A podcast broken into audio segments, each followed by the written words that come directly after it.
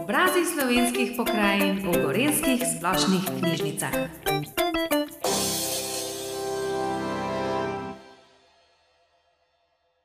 V tem tednu knjižnice obeležujemo teden splošnih knjižnic in ob tej priložnosti delamo različne dogodke, razne ugodnosti za naše uporabnike.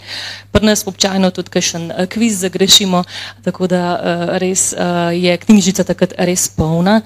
In en dan običajno posvetimo nekim domoznanskim oziroma lokalnim temam, zato smo danes za vas pripravili pogovor v sklopu Obrazi slovenskih pokrajin. Isto se seveda imenuje tudi naš spletni biografski leksikon, ki ga najdete na spletu in ga pripravljamo splošne knjižnice. Danes pa torej z nami zvezda kolesarstva Matej Mohorič, dobrodošli. Hvala za povabilo.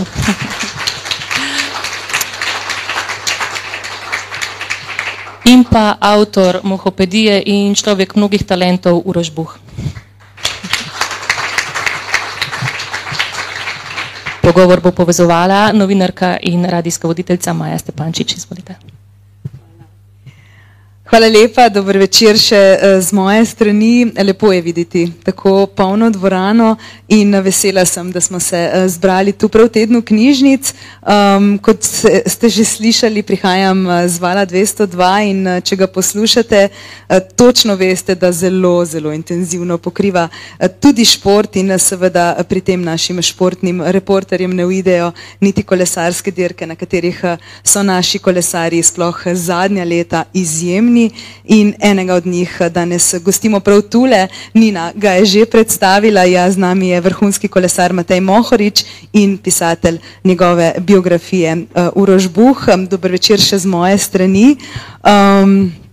Tokratni večer, kot ste že seznanjeni, posvečamo Mohopediji, biografiji, zato morda prvo vprašanje, še preden začnemo s pogovorom, namenim publiki.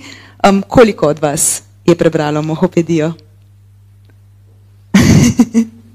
Okej, dobra novica, na koncu jo boste lahko naročili, pa še podpis bo zagotovljen. Lepo vaju je imeti tukaj oba in vesela sem, da ste si vzela čas za pogovor pred domačo publiko, sploh Matej, vi ste več kot pol leta vseskozi naokoli, kolesarska sezona dva tisoč dvaindvajset ste zdaj zaključila, kaj počnete te dni? Ja, zdaj v bistvu so se ravnokar že začele priprave na naslednjo sezono, tako da ja, po končani sezoni je sledil krajši počitek, potem je gospa princeska hčerka iz vrtca prinesla eno strašno radioaktivno bakterijo, tako da sem bil deset dni na antibiotikih, zdaj pa lahko s polno baterijo začnem nazaj trenirati, tako da ja. Kam se odpravljate v naslednjih mesecih? V bistvu zdaj odhajam na toplo v Monako naslednji teden, potem pa čez dva tedna, petega decembra, že na prve priprave v Španijo. Matej, Uroš, na tem večeru smo se zbrali, ker je pred kratkim, no, sicer pred pol leta bo kmalu zdajle že izšla knjiga Mohopedija, vznemirljiv preplet profesionalnega kolesarstva z življenjskimi modrostmi. Moram povedati, da se mi je na trenutke zdelo, kot da kolesarim z vami, v tistih najbolj napetih sekundah je res občutek, kot da sem tam tudi sama na kolesu, kar je res, res fino, zelo te potegne tale pripoved na tristo štirinajstih straneh. Je bil to namen, je zgodba, ki jo beremo, preplet tega vašega zasebnega življenja, Matej, z vašim profesionalnim nastala organsko? Kako sta se dogovarjala, kako sta prišla do te odločitve, kako začeti, kako prepletati življenje, zasebno življenje s profesionalnim? Ja, to je pa vprašanje za Uroša, ker je on pisal, jaz sem samo odgovoril na par vprašanj, ki mi jih je on zastavljal lansko zimo, tako da bo kar Uroš prevzel mikrofon. V redu, izvolite.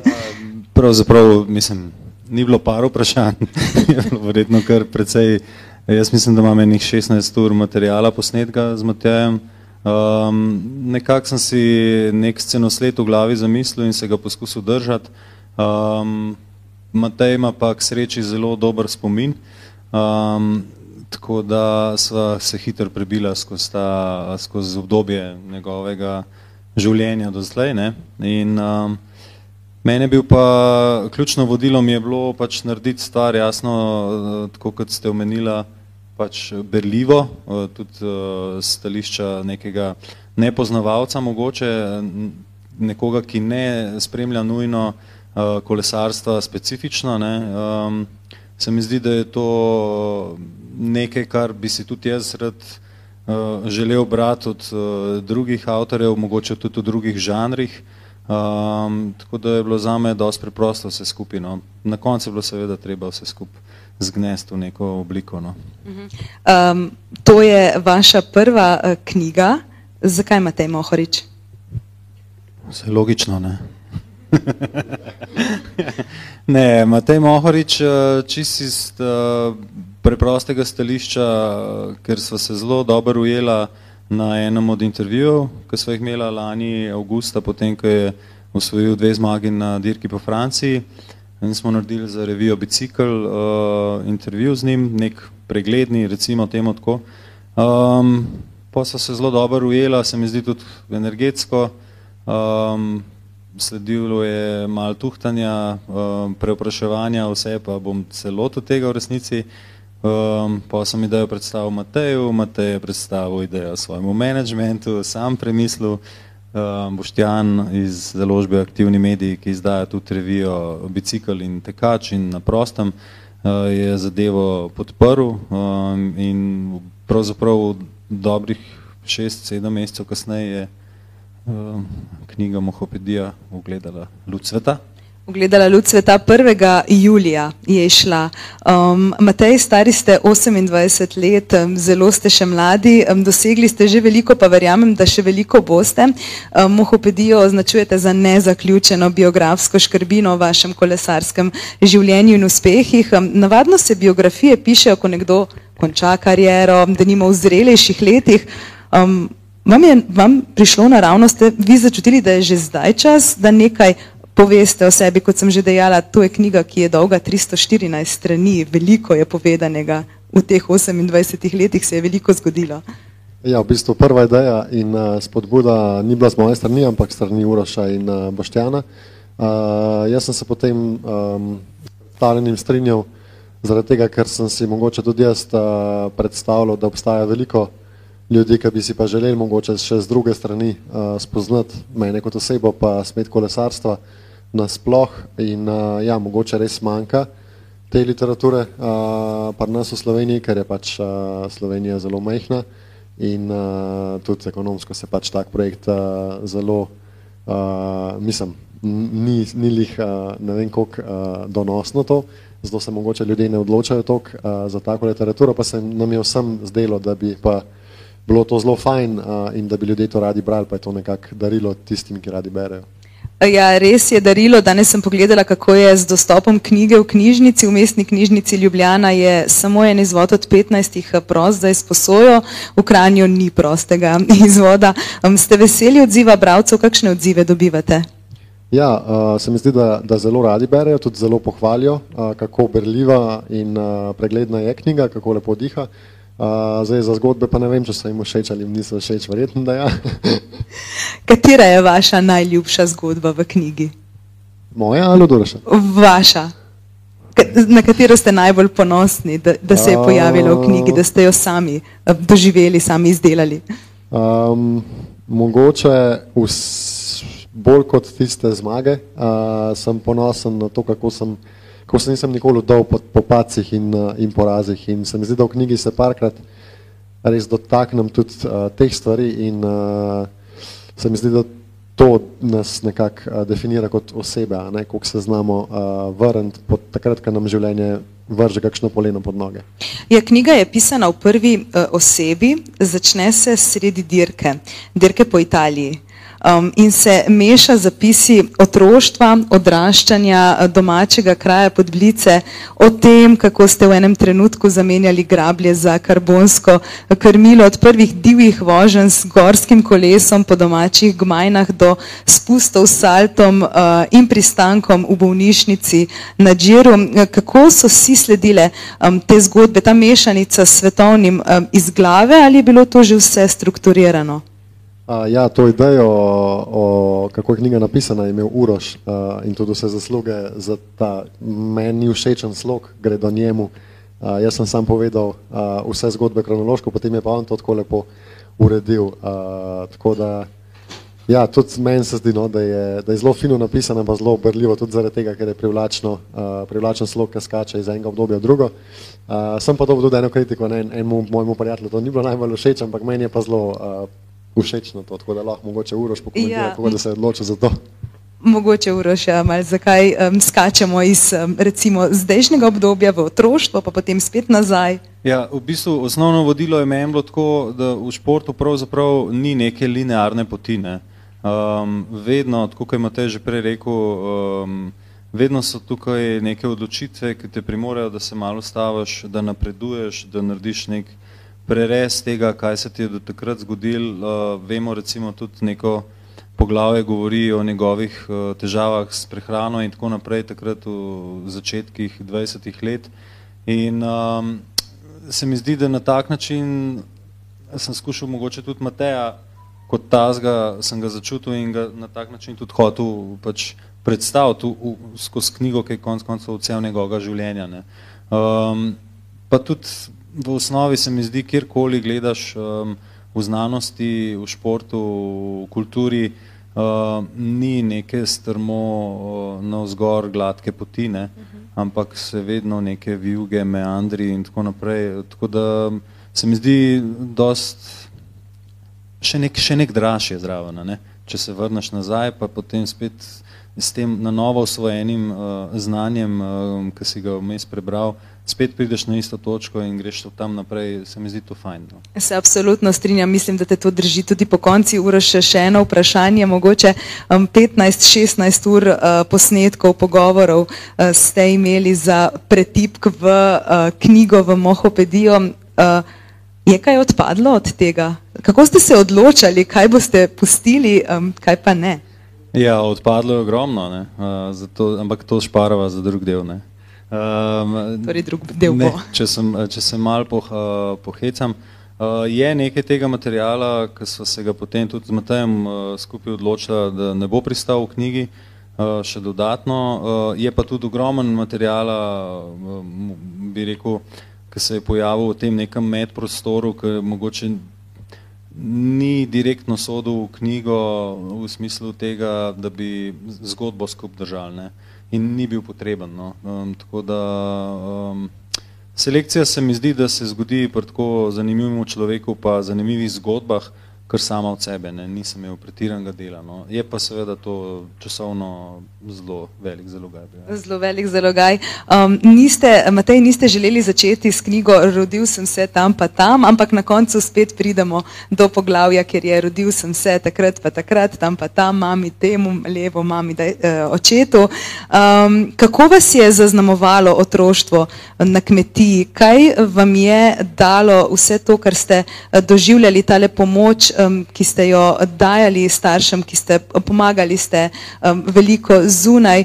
Kaj vam je to um, glede same discipline, ki jo tudi morate imeti pri takem vrhunskem športu, um, dalo odraščanje na vasi, na kmetiji? Siguren mi je dal a, določene vrednote, ki jih še danes nosim v sebi. Ne? Se mi zdi, da nas otroštvo v vsakem primeru zaznamuje a, v dobrih in v slabih stvarih. Tako da Uh, jaz zase mislim, da sem imel zelo srečno otroštvo, uh, zelo sem neskončno sem hvaležen svojim staršem, uh, da so mi predali svoje vrednote, uh, zelo smo se imeli fajn, uh, mogoče nismo uh, vse čas nekam tiščali, uh, pa nismo šli vsako soboto na izlet, ampak uh, smo bili skupaj in uh, smo velikrat skupaj doma delali in jaz imam neskončno lepe spomine na ta čas, zagotovo ti pa to delo, ki je mogoče ni čist delo, ampak je bolj igra ne, v otroštvu vseeno, uh, da nekaj, kar potem neseš s sabo uh, v življenje in ja, pač veš, da travnik se ne bo samo od sebe pograbil. Ampak kolesarstvo ni bila vaša prva ljubezen oziroma prvi šport, s katerim ste se ukvarjali? Um, nah, v bistvu v osnovni šoli, na začetku osnovne šole, uh, sta naju mami in ati vozila na, na plavanje sestro. Uh, potem je pa to hitro ratal iz Podblice v Kran in nazaj v popodanskem času.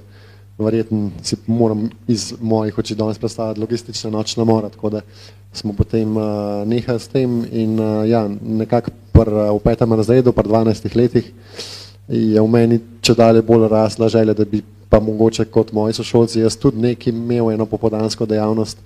Um, in ja, nekaj časa sem mogel zelo ustrajati doma in uh, potem je uh, prevladala želja, da bi se začel ukvarjati s kolesarstvom.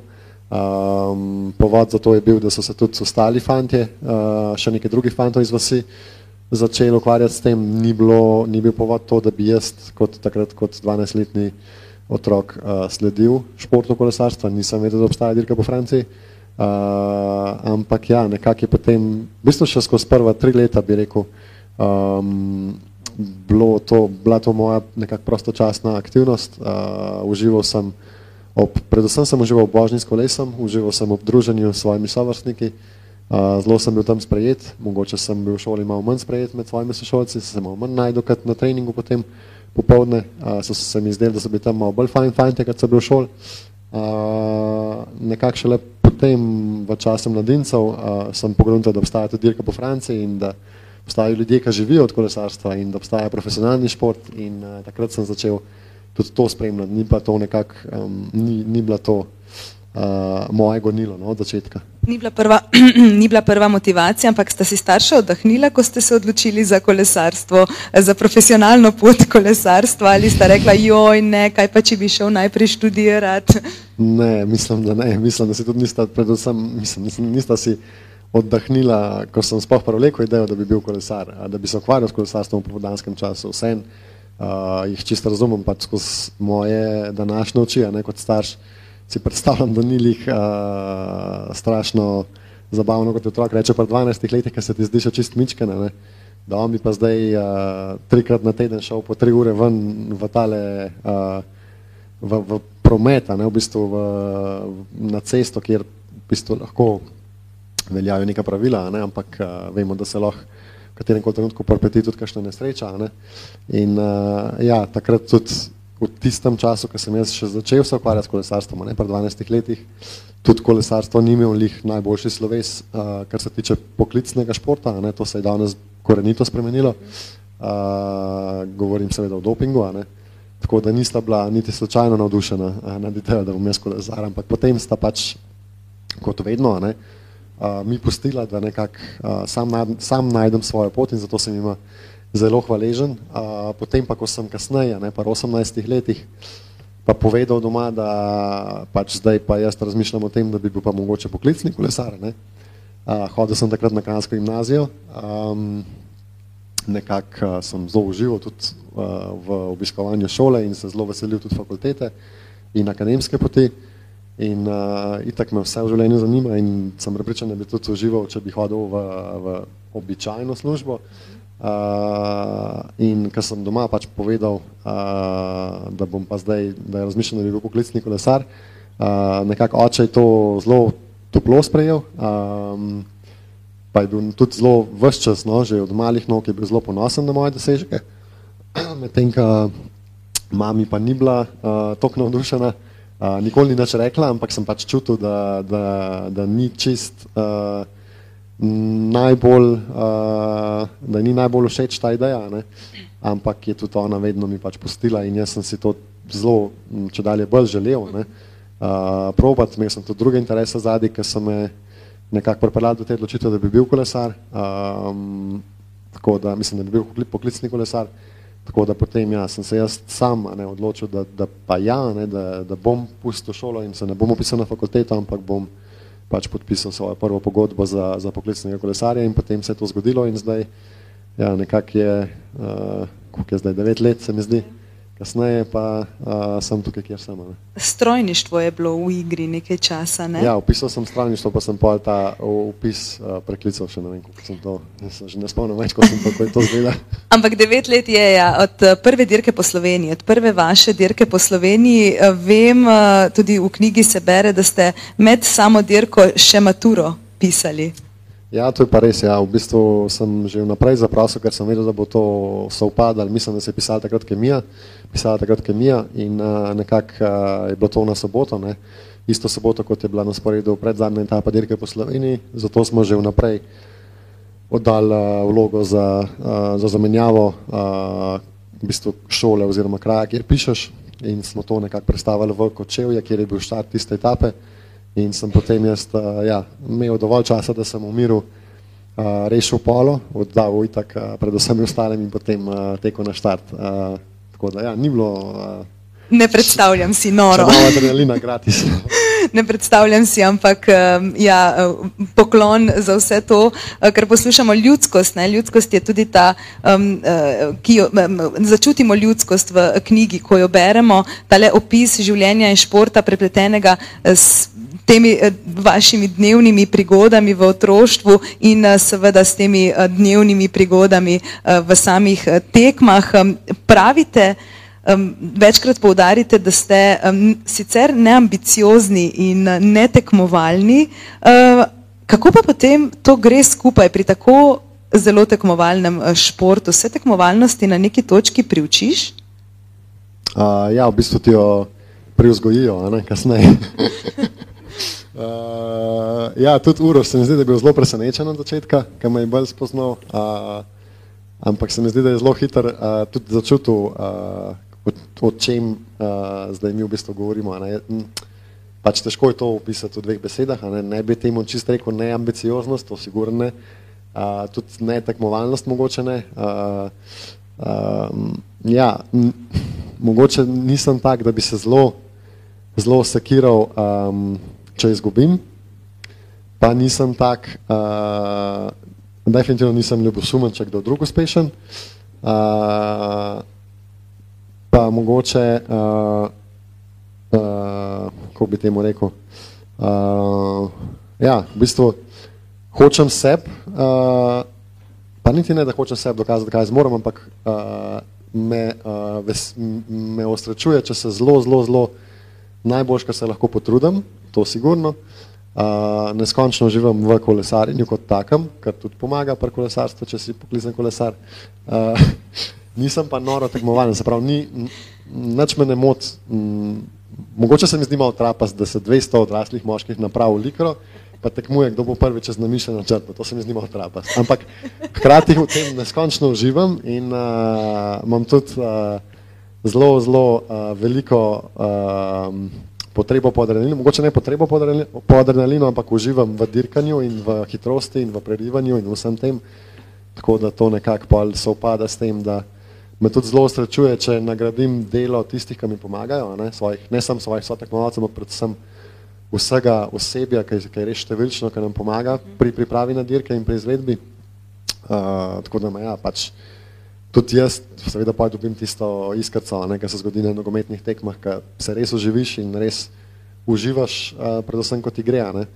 Mogoče me pa zato, ja, zaradi te moje narave, uh, porazi manj prizadenejo kot moje, uh, moje kolege.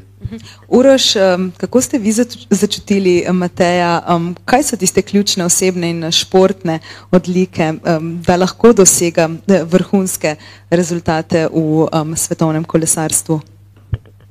Ja, on mi je rekel, da bom jaz lahko enkrat tako hiter kot on, tako da to me je prepričal. Ne,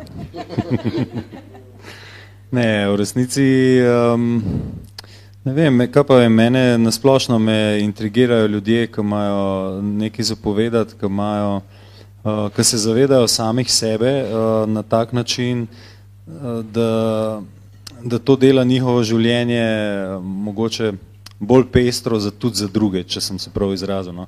Um, enostavno ima on toliko vsebine, ki ni striktno vezana uh, na življenje profesionalnega kolesarja, uh, da me je pač verjetno to v osnovi uh, pritegnilne. Kot sem velik fan tudi recimo, ne vem, kakšnih pisateljev ali pa kakšnih glasbenikov ali pa tako naprej, umetnikov, uh, me prepričajo tudi ljudje z velikim um, karakterjem um, z drugih področji ne, in se mi je iz tega stališča pač Matej recimo usedel v srce. Ne. Uh, čeprav sem prepričan, da je, da je na svetu nebroj ljudi, ki si zasluži na tak način mogoče tudi uh, kaj sporočiti svetu. Ne. Glede tekmovalnosti bi sam dodal še to, ne, da to je res, uh, kar je on rekel, ne, on, um, on ne bo šel, bo šel do skrajnosti, absolutno, kot smo videli že prej v napovedniku, ne, uh, ampak um, Po mojem, tudi če ne bi takrat zmagal, recimo na San Remo, ne, pa sem pripričan, da mogoče še bo, no, uh, še kdaj. Ne. Ampak um, Prvi Sloveniji. druga, ja, drugačen je. On, dru, Tisti trenutek, ko ne bi bil prvi, bi pač on naredil nek reset in bi to bilo to. Ker je vedel, da je dal res vse od sebe, da je skoraj zapeljal v un kanal ene štirikrat, petkrat in skoraj podaril une betonske bloke, ne. ampak mu je ratal. Ne. Um, nekdo drug, ki pa mogoče ne bi, bi mu pa to lahko ključno spremenil v bistvu potek njegove nadaljne karijere in v tem je Matej, um, jaz mislim, no, drugačen. Ne. Če bo on imel na koncu življenja en pokal manj v omari, uh, ne bo nič manj srečen šel na drug svet. Ne.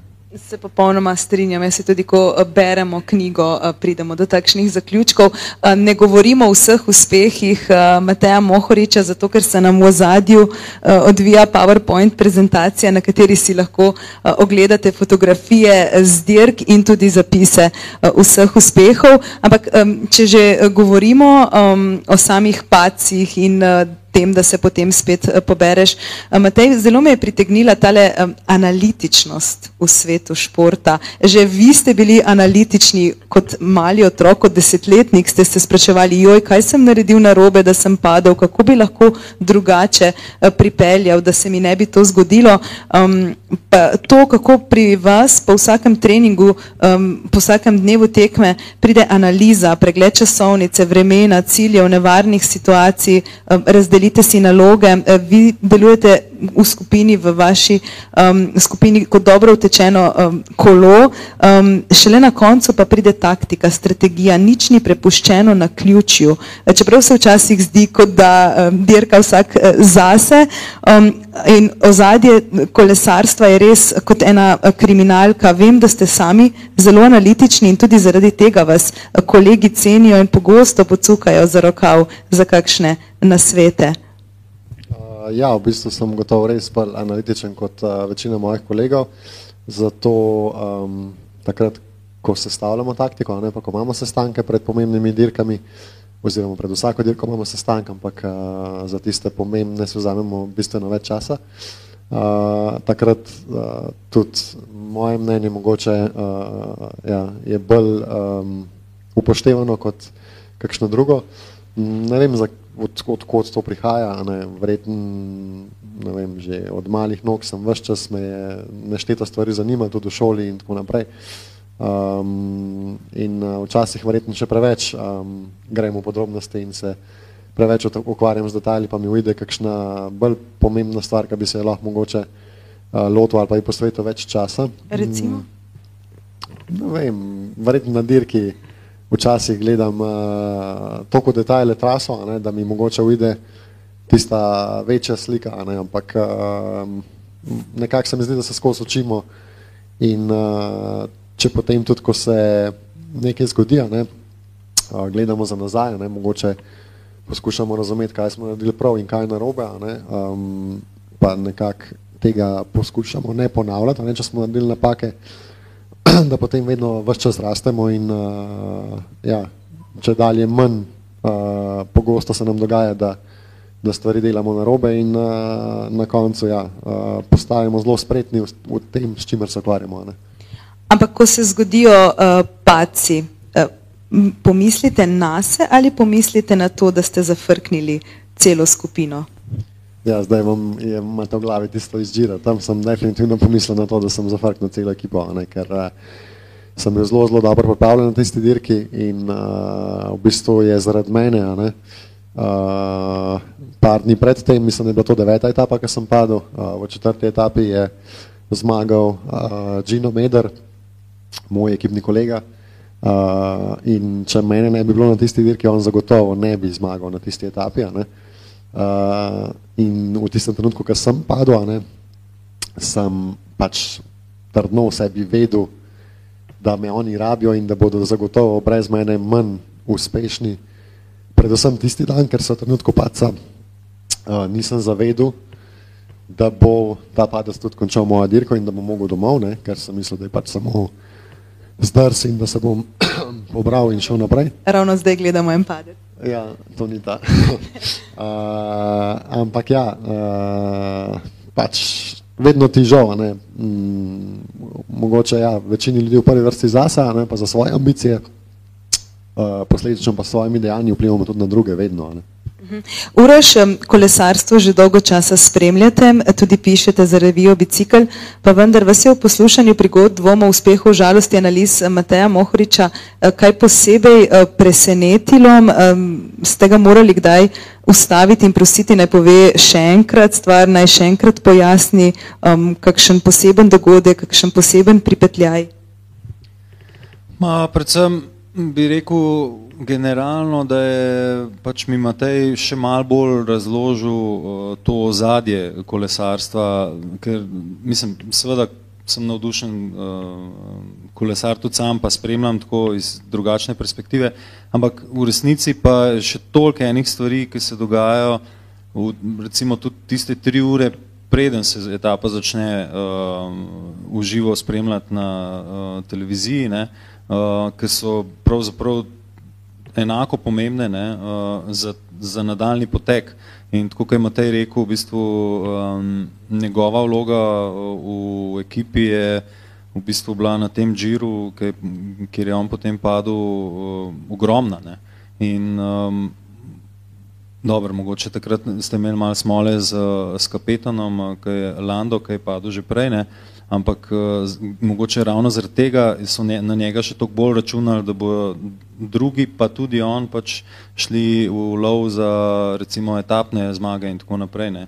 Um, kolesarstvo je v bistvu zelo zapleten mehanizem um, um, nekih odločitev in ljudje, ki, ga, ki stojijo v zadju, so po mojem kar pod velikim pritiskom, kako to skupino devetih, osmih, kakorkoli se jih pojav kolesarjev na dirki, voziti na tak način, da bojo zadovoljili njihove individualne uh, uspehe ali pa želje, pa potencijale konc koncev tudi, ne, pa na drugi strani sponzore, ki omogočajo sploh obstoj take ekipe, uh, Um, to je nek uh, posel, ki si ga jaz uh, ne bi želel opravljati. No.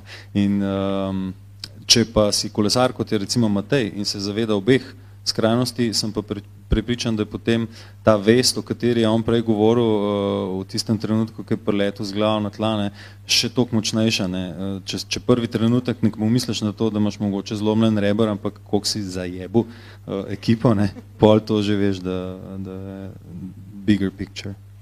Ja, Matej, um, govorimo o vaših dirkah, govorimo o pacih, uh, pa tudi v sponih, ne, veliko je bilo uh, tudi um, zmag, uh, veselja, um, ampak vi tekmujete že devet let. Um, kako zelo pomembno je um, sami seveda morate biti um, ustrajni, močni, tudi tekmovalni um, in uh, predvsem ja, um, ustrajni, ampak kako zelo pomembno je, da imate zadej tale stroj, um, ki vam vse to, ki vam pomaga do teh uspehov. Imeli ste eno, lahko rečem, bolj temno obdobje vašega kolesarskega, um, uh, vašega kolesarskega življenja, um, kjer ni šlo vse po načrtih, kjer ste uh, zamenjali ekipo, um, um, nutricionistov um, in vseh, ki so skrbeli um, za vašo prehrano in um, treninge um, in ni bilo vse tako, kot ste pričakovali. Um,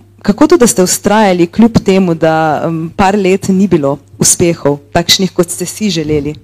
Pa ne bi rekel, da je bilo temno obdobje, bilo je sam neuspešno, ne, zaradi tega, ker uh, ni bilo mogoče uh, znanost takrat še ni bila uh, naprej, kot je danes. Uh, hkrati je bil kolesarstvo še vedno v prehodu iz tistega mračnega obdobja v preteklosti, ki ga sam nisem udeležen v, v moderno kolesarstvo, kaj danes, a ne, kaj je gnano iz, uh, kaj zelo, gremo zelo v velike detalje strokovno in uh, imamo ogromno strokovnjakov v ekipi, ki se vsak ukvarja z enim določenim detajlom, ki vpliva na performance, na, na, na, na pripravljenost in na nastop vsakega izmed nas. Ne. Uh, In uh, na takem nivoju, kot mi dirkamo danes, ne, je tak nivoj ne mogoče doseči, če nimaš take podpore, kot smo jo deležni mi. Ne, in to seveda stane tudi ogromno denarja. Uh, vse te ljudi je, je treba plačevati, vsi ti ljudje imajo zelo dobre plače, ker so pač zelo veliki strokovnjaki na svojih področjih. In uh, ja, uh, to tako je, ne, če se greš da boš najboljši na svetu. ne. A, zdaj za tisto obdobje, po, takoj po tistem, ko sem prestopil med poklicne kolesarje, je bilo pa pač tako, da ja, mogoče tisti, ki smo jih imeli v tisti ekipi, kjer sem takrat bil, niso bili toliko strokovno podkovani, pa tudi nasplošno uh, kolesarska sfera ni bila še toliko strokovno podkovana, kot je, kot je danes. Ne? Danes v katero koli ekipo boš šel, boš dobil uh, približen prave na svete. Tudi na internetu lahko mladi zelo enostavno najdejo prave na sveta. Ne? Seveda potem, če tega dnevno ne, ne prenašaš v prakso, je to veliko težje um, izvajati kot nama, nekaj nam vse na krožniku prenesejo. Tukaj ne mislim na hrano, ampak na vse, na vse, na cel aspekt, ne, na, na masaže, na trening, na, tudi na hrano, na, na, vs, na cel potek trenažnja, ne, da se pripraviš na eno tekmovanje. Uh, takrat pač enostavno to ni bilo na takem nivoju. Uh, in uh, jaz sem pač potegnil kratko, ker nisem imel izkušenj svojih, da bi lahko takrat vedel, uh, kaj pa moram delati, ne, da, sem, da postanem uspešen. Ampak kako da niste obupali nekaj časa, resnično ni bilo nikakršnih rezultatov, eh, prehrana, počutje tudi ni bilo eh, dobro, ampak em, vseeno ste ustrajali, nekateri morda ne bi ustrajali, če se ne bi pokazali rezultati, ker ste bili res še zelo mladi. Um, ste vedeli, da se boste na eni točki spet dvignili um, kot Feniks? Ne, nisem vedel, ampak uh, mene je tudi osrečval uh, to delo, ki sem ga takrat upravljal ne, v, v podobni meri. ne. Um, mogoče sem imel manj energije uh, za treninge, pa za, pa za dirke, ampak vseeno se mi fajn zdelo, da sem lahko pomagal svojim ekipnim kolegom in uh, še vedno sem dobil pač dobro plačo in uh, nisem, nisem veliko razmišljal o tem, da bi, da bi se ne. Seveda sem razmišljal o tem, da bi mogoče to ne počel 15 let, ampak uh, kot to nekako bo na koncu, ne, ampak uh, nisem pa nekako, še vedno sem pa užival v tem, kar sem počel. Ne, in uh, tudi vse čas me je gnala tudi, um, bi rekel, ljubezen do kolesarjenja. Ne, jaz sem neskončno užival na vsakem treningu. Tudi če nisem vedel, da s tem, kaj jem, tako kot normalni ljudje, pač nisem pojedel dosti hidratov za to, da se vozim, ne vem, pet ur s kolesom na dan. Ne. Uh, Matej, Uroš, eh, skupaj sta preživela najmanj 15 uh, ur, najmanj. Um, sta se v tem času kaj um, skregala? Um, so bili kakšni, um, ne vem, kakšna trenja, uh, ko sta se pogovarjala? Um, nesoglasja, um, recimo um, Matej si predstavljam, je dobil eh, knjigo v branje, preden je šla uh, ven, se je z vsem Ah, ne, strinjal, to nismo, nismo mu kazali sploh nič, ne, tudi bral ni nič. se je z vsem Ne, strinjal. a, Še zmeraj imam modrice tle spodaj. Uh, mislim, ni, noben od naju ni nek zelo uh, visoko konflikten človek, tako da uh, sva zelo hitro uh, našla. Bilo je neko poglavje, ki je bilo mogoče objektivno mal uh, za premisliti, eh, kako se ga lotiti ali ga sploh uh, vključiti v knjigo in sva se pol pač eh, zelo realno hitro oba uh, zedinila, da, da ne spada mogoče notri. Uh, glede ostalih stvari pa ne, ne, mislim, Jaz mislim, da je on meni dal uh, ravno toliko svobode, uh, kot sem jo pričakoval. Um, jasni so bili gabariti, kaj ja, kaj ne. In um, pravzaprav večjih težav ni bilo. No. Mogoče ima pa on kakšne nočne more, še povejmo te. Zdaj ali nikoli. Ne, ne, ne, ni bilo nobenih nesoglasij. Uh, bilo je nekaj, pač vse en mm, knjiga ne napišeš, a ne, tako da bi se z nekom pogovarjal na kavi, ampak je pač uh, nekaj, kar ostane za večno, a ne, zato moraš pač premisliti uh, dvakrat, a ne, kaj boš napisal. Um, drugač pa mm, ni bilo nič tazga, da bi, uh, no, jaz nimam nobenih modric. So že izvenele, je že eno leto od tega, ko sta začela, ne, ko je padla ideja o sami knjigi. Um, je morda na tej točki kakšno vprašanje um, z publike ali pa z YouTuba? Je. Bo karnina. Uh, ja, vprašanje je preko uh, spleta in namreč uh, Primož sprašuje, uh, Matej ima veliko oboževalcev tudi v tujini, naprimer fan klub v Belgiji, ali bo knjiga prevedena tudi v angleščino? To je pa za uro še vprašanje. Po mojem, to vprašanje za našega založnika, ampak uh, mava to v načrtu. No. Želje so, obstajajo tudi realne možnosti, tako da z nekaj sreče spomladi. Hvala. Eh, Pa še eno vprašanje, pa klasično vprašanje tudi od Primoža. Plani za 23, branjenje zmage na Milano, San Remo, kateri Grand Tour, drugi spomeniki? Uh, nismo imeli še decembrskih priprav, kjer se te plani zacementirajo, vsaj v, pra, v, v teoriji, uh, ampak načeloma si predstavljam, da bodo cilji enaki kot lansko leto, torej um, vse klasike uh, svetovne serije, uh, začenši z Milano Sanremo, uh, preko um, potem uh, dirke Paris-Roubaix in uh, dirke po Flandriji, pa potem uh, Liež Baston Liež, um, potem pa priprava na poletno dirko po Franciji in uh, v jesenskem času uh, upam, da tokrat svetovno prvenstvo, če bo šlo zle po načrtu. Hvala. Mogoče še iz publike kakšno vprašanje?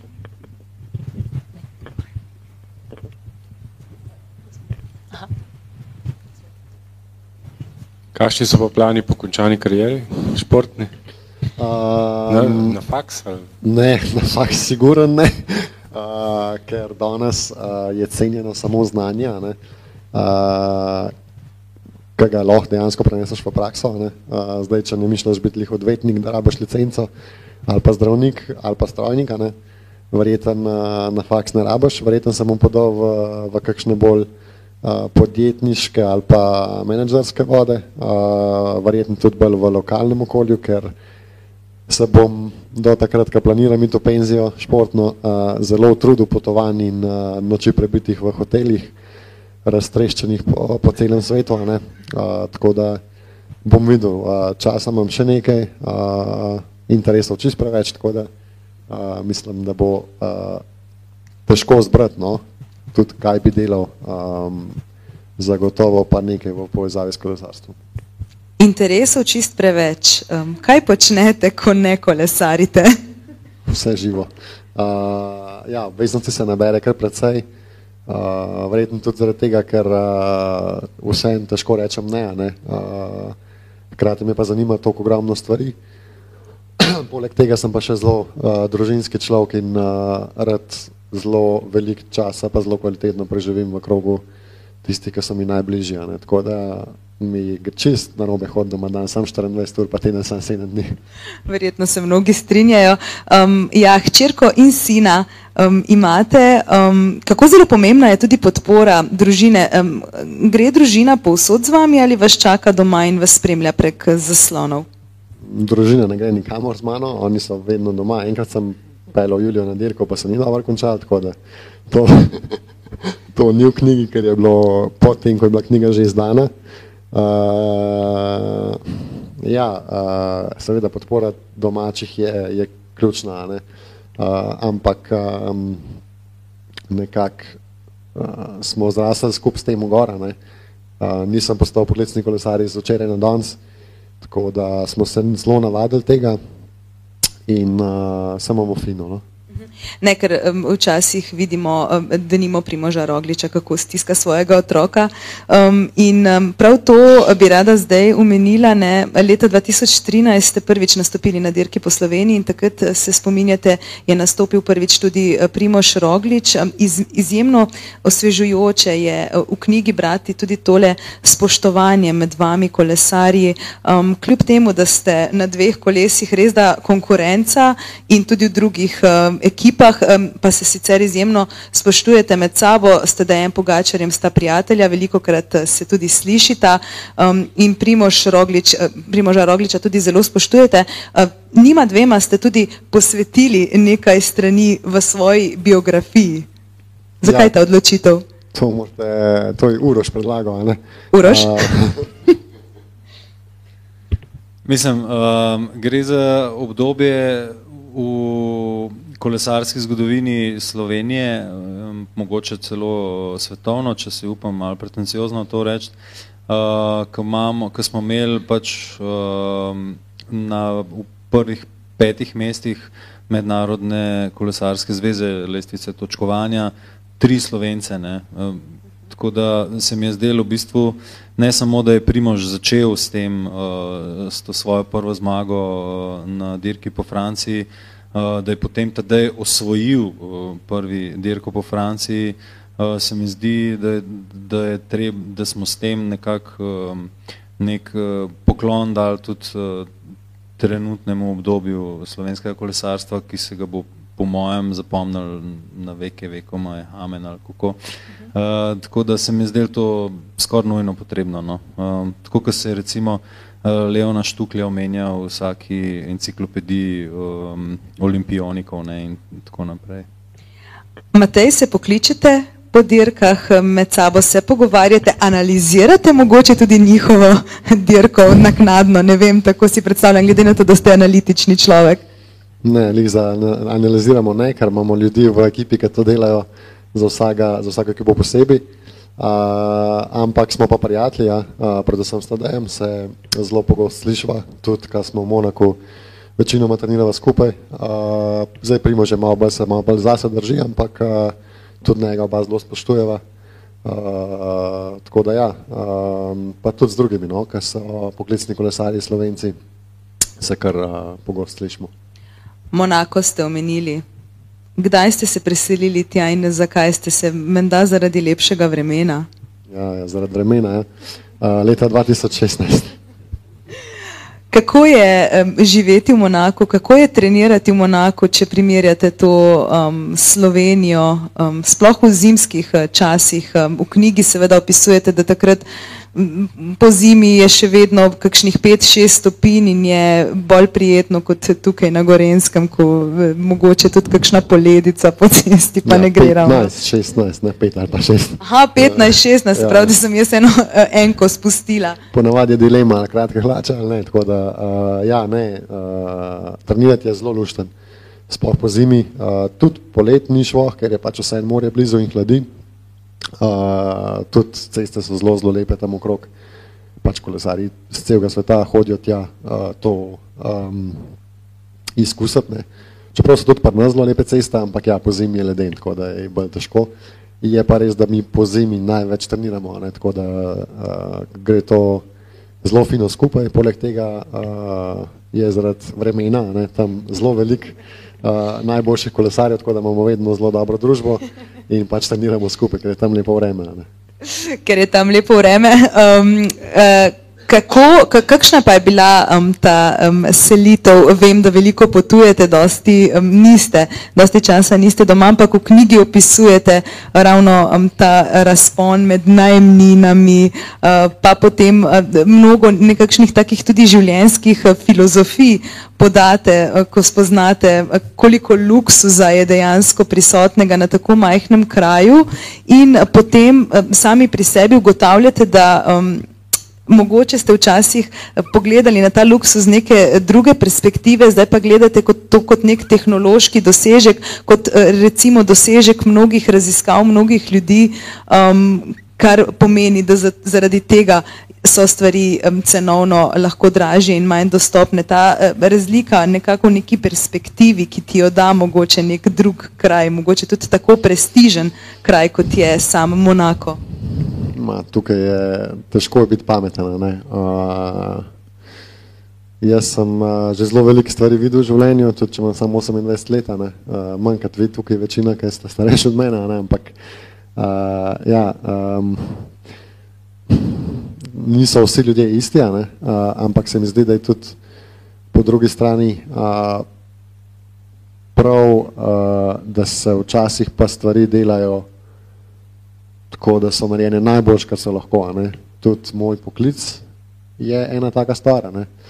Um, pač mi iščemo um, najvišjo mejo vsega. Ne.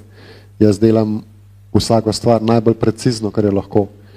In uh, nekako se mi zdi, da ljudje, ki gledajo to, ne, tudi najdejo navdih zase, ne, pa mogoče oni v svojih uh, stvarih, s katerimi se ukvarjajo, potem iščejo to preciznost ali pa to natančnost ali pa to, uh, da, so, da poskušajo biti najboljši. Uh, isto gre v, v vseh sferah življenja. Ne, Zdaj, um, ne zdi se mi prav, da bi se vsi okrog, mislim, tudi bi bilo fajn, ne v enem navideznem svetu, ne, ampak če bi se zdaj vsi okrog vozili z identičnimi avtomobili, samo zato, ker bi bilo to za družbo, ne, kot tako, ceneje, pa bolj smiselno, pa bolj uh, trajnostno. Um, se mi zdi fajn, da je svet raznolika, ne? pa da obstaja avto, s katerim se ljudje ukvarjajo na tisoče ura, ne? Uh, pa izdelajo 20 primerkov, pa da obstaja avto, s katerim se ljudje tudi mogoče ukvarjajo kakšne, kakšnih tisoč ur manj, ne? Uh, pa se proizvaja masovno, pa je poceni, pa vse naredi to, čemu je namenjena. Ne, um, ne vem, na konc koncev pač uh, nas je naredila narava ali pa tisto, kar verjamemo ne, in uh, pač vse gre tako, kot gre. Ne. Zdaj, uh, ne vem, dejstvo je, da smo kot družba uh, potratni in da, da nas je preveč in da ne vem, kaj se grevamo planeti in vse. Včeraj 8 milijard nas je. Včeraj ja. smo presegli to številko. In zdaj je težko biti pameten, ne pa reči, kaj je prav. Ne. Jaz mislim, da noben ne more vedeti, kaj je prav. Uh, ampak uh, zagotovo, meni se zdi lepo, no, da kot civilizacija ne, imamo, tudi stvari, tudi, imamo tudi neke preseške. Ne. In uh, nekako to spoštujem, spoštujem tudi vse druge, ki mislijo drugače. Ne.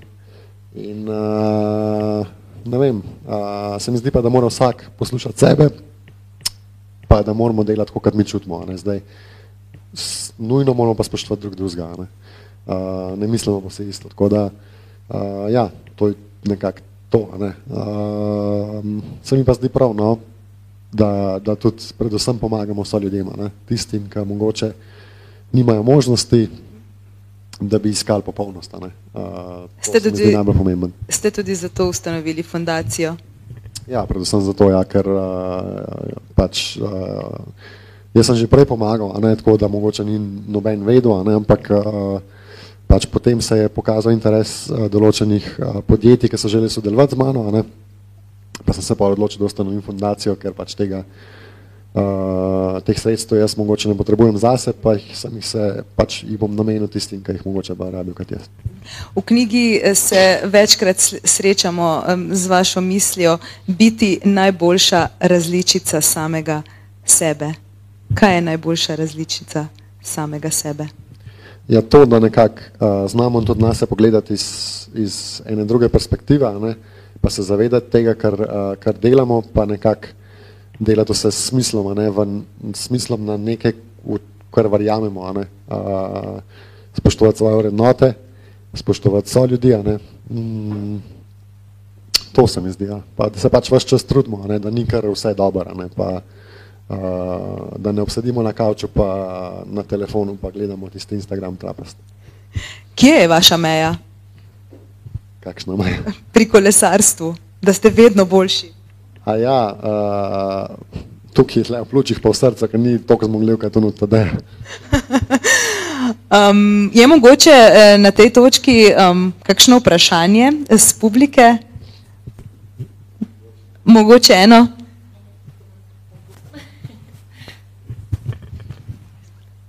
Hvala, živijo. Eh, zanima me v bistvu, eh, ali ste prebrali tudi kakšno podobno knjigo od kakšnega znanega kolesarja, kot je ta in primerjava mogoče med tem izdelkom in eh, knjigo kakšnega sotrknovalca ali pa ne vem. Ja, sem prebral kar nekaj biografij kolesarskih v tujih jezikih, v slovenščini, nobene, ne vem, če sploh kakšno obstaja. Uh, Pa se mi zdi, da je pač vsaka knjiga po svoje fajna, mislim, ne, ne vsaka, ampak veliko knjig je po svoje fajna ne? in uh, se mi zdi, da iz vsake lahko nekaj odnesemo. Uh, ta mi je všeč, mi pa tudi kakšna druga zelo, zelo všeč. Tudi tam je zelo všeč, ne? ne vem, vsak mora zase vojde. Hvala, hvala. Jaz bi sam še pohvalil res uh, super, uh, mislim, izbor slike na platnici, na to spravno naslovnici, no res in tudi obe dve je, zelo zanimivi. Res zelo, zelo zanimiva obe, na obeh platnicah na, na tranih in tudi naslovnica je, vse, kar se mene tiče, res odlična. Uh, Titko Šir, dame in gospodje, en aplaus, prosim za fotografa. Krančan.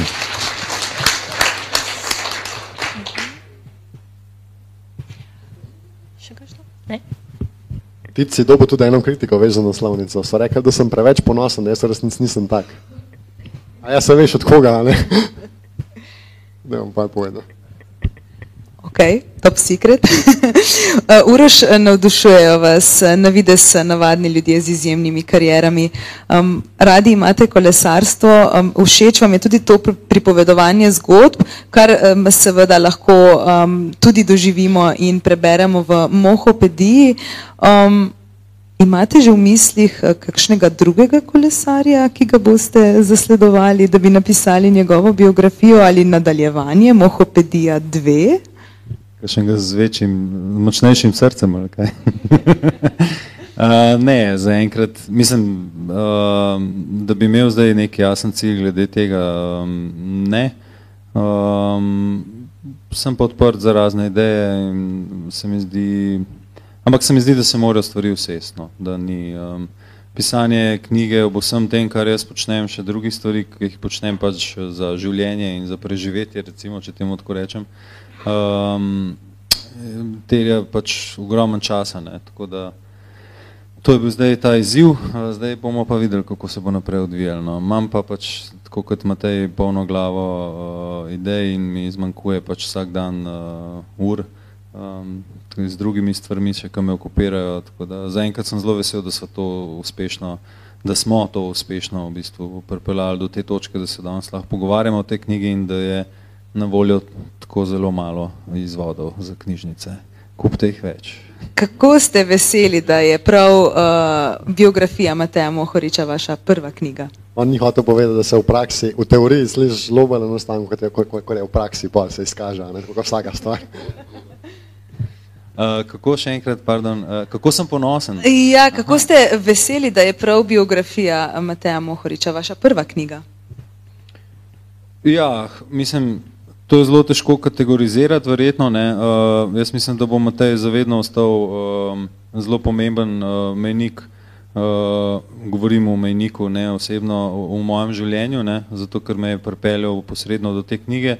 Uh, po drugi strani pa mislim, da sem z Matejem spoznal človeka, ki, bo po dru ki je po drugi strani prinesel tudi nek drugačen, uh, drugačno perspektivo v moje življenje in zaradi katerega sem tudi jaz danes boljši človek, če si upam tako reči. Um, tako da zagotovo je uh, pomembno vplivala, pa je, bo, bo še naprej um, mogoče marsikaj uh, drugače, kot je bilo doslej no, zaradi te knjige. Ste se pripravljeni še kdaj usesti za 15-16 ur? No, to bo Luroš povedal, za njega ni bilo 15 ali pa 16 ur, po mojem.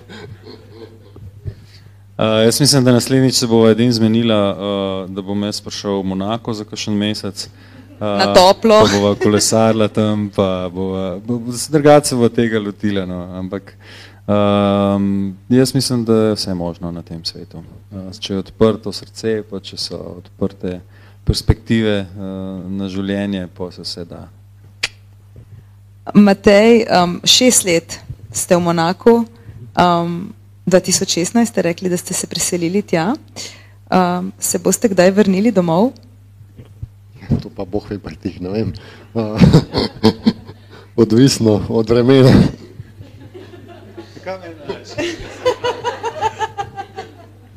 Vse so podnebne spremembe, bo tudi tukaj je ne, čez ene 50 let em, 15 stopinj po zimi. Ja.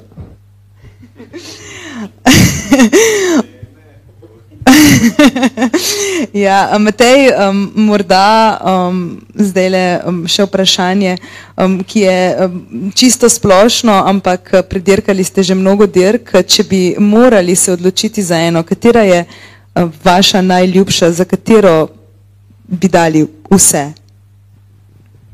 Mm, ja, verjetno bi mogel zdaj reči Milan San Remo, ampak vseeno mi je Paris Roubaix uh, še, bolj, še večji izziv. No.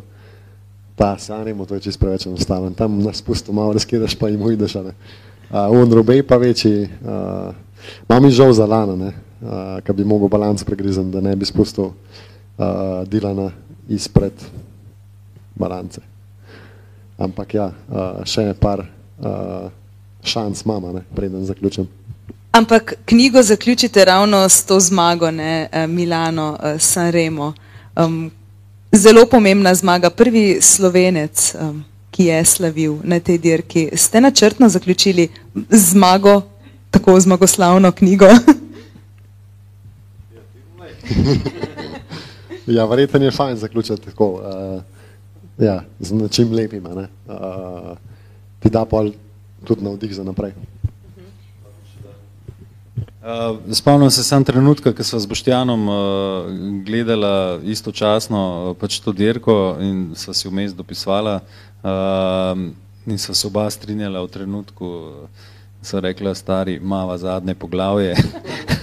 In to je bilo to, no, zdaj vmes je Matej še dosegel ta uspeh, ko je osvojil dirko po Hrvaški in to na strateško, no čak, na strateško zelo poseben in specifičen način, ne, Eh, če bi se predal, pa rekel, ah, bo kar bo, ne, potem ne bi do tega prišlo, ampak je bila res spet ta kalkulacija, uh, uvrstitev, prvo mesto, drugo mesto, bonifikacijske sekunde, leteči šprinti, ampak je na koncu zmogel ne, in uh, si v, v, v knjižu še eno etapno zmago, ne, kar je pa tudi ni mači kašel. Ne, še po takem poletju, ki ni bilo ravno najbolj ugodno ne, za Tako, treninge. Ja. Boš kaj povedal, kako si bil bolan? Te vrci so radioaktivni.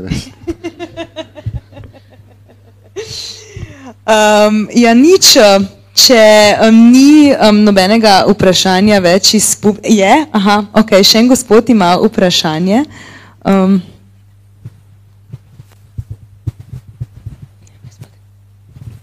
Hvala. Uh, sine trenira en drug šport pa vedno je izziv, ko se pogovarjamo doma, ma vse gre, tudi šola in šport, vrhunski, to nekako gre. Pa iz vaše izkušnje, tudi ko je bila danes predstavljena, v bistvu je to dobra praksa. Se pravi, tudi šola je lahko v redu, pa tudi šport je lahko v redu. Pa se mi zdi mogoče kakšna beseda za mlajše mladince, ne, za spodbudo. Kako je možno tole skombinirati in biti v vsem vrhunski? Uh, se mi zdi, da predvsem m, je treba imeti ne, željo, da, da si vrhunski, pa da si ambiciozen, uh, pa da veš, zakaj se trudiš ne, za eno stvar. Uh, Odvisen je, imaš ambicije, da bi nekoč od tega športa živel, ali da hodiš v šolo, ker imaš ambicije, da boš nekoč hodil ne vem, na univerzo, pa se nečesa naučil, potem od tega živel, ali ti mogoče v življenju vrednota to, ne vem, da se imaš fajn, pa da ležiš na kavču, pa gledaš serijo. Uh, pač ljudje smo si različni in jaz spoštujem čisto vsakega posameznika, ne.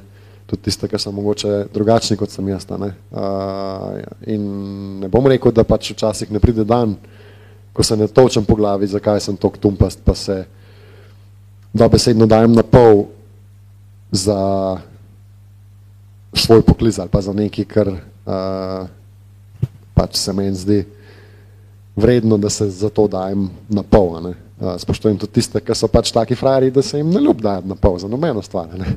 Uh, tako da, ampak se mi pa zdi to fino in se mi zdi, da si, ko ti pa nekaj uspe, ne, tok hudemano srečen pa ponosen na to, da ti je uspelo, ne, da je pa vredno vsega truda prej. Ne. Tako v šoli, ne, že meni osebno se je tako zdelo, kot tudi v, v športu ali pa v katerim koli drugem drugem interesu, ki obstaja v življenju. Ne? Ker ni vse sam, vsi sam govorijo predvsem v, ko imajo mm, recimo otroke, ki so, ne vem, najstniki, sam ta šola pa šport ali pa šola pa, ne vem, inštrumenta. Ne?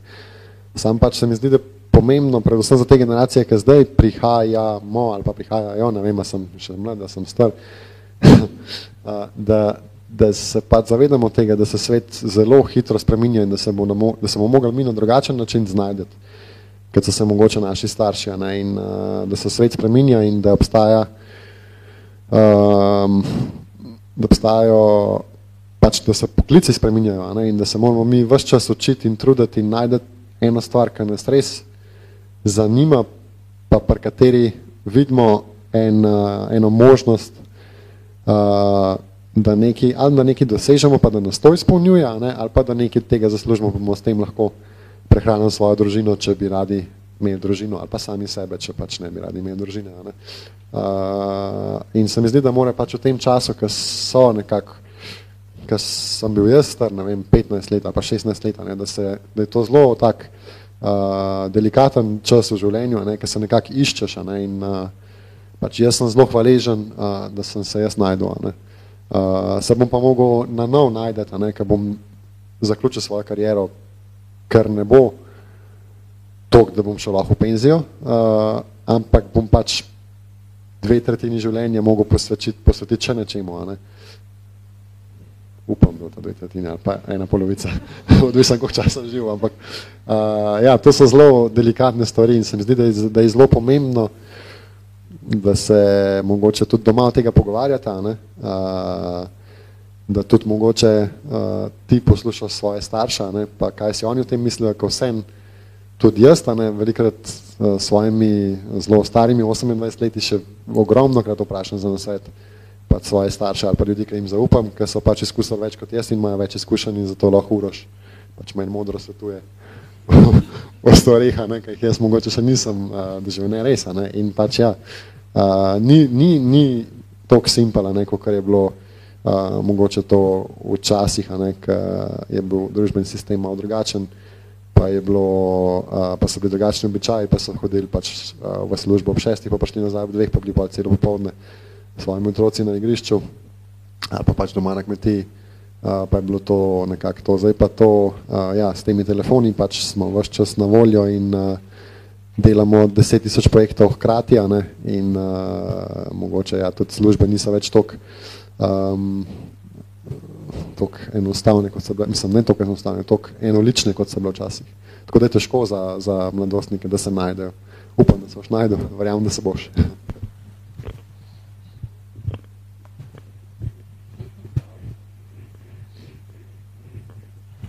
Za avtorja imam eno vprašanje. Voditeljica je že nekajkrat omenila 314 strani, a to je namenoma simbolizira število pi. Ja. Ne, v tem primeru bi zagotovo še kakšno decimalko zraven napisal. Ne, uh, ne nič tazga. Bilo bi celo malo več, no, kot rečeno, ampak čisto spontano. Ampak imam skrivnost, ne. Ta, teh 314 se sicer sliši zelo velik, ne, ampak to je odvisno od tistega, ki postav knjigo pa zbere velikost fonta. Tako da jaz bom skromno, skromno bom rekel, da vsebine malo manj. No.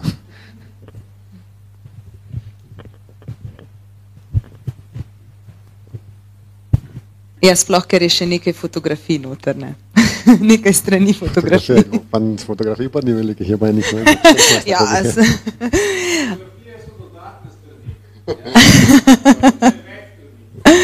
no, pa pa, pa, pa sploh pa, pa je ogromno, ogromno. Ne, ampak tako hitro teče, da prebereš v enem dnevu, če se res daš. uh,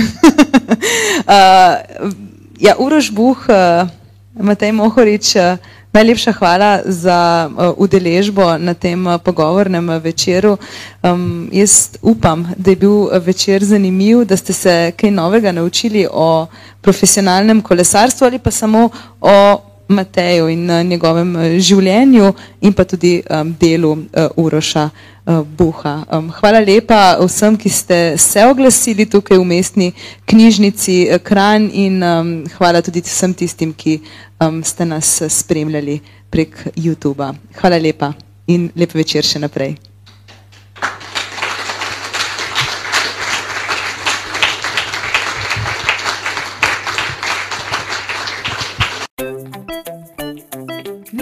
Ivana Tavčarja, Škofja Loka.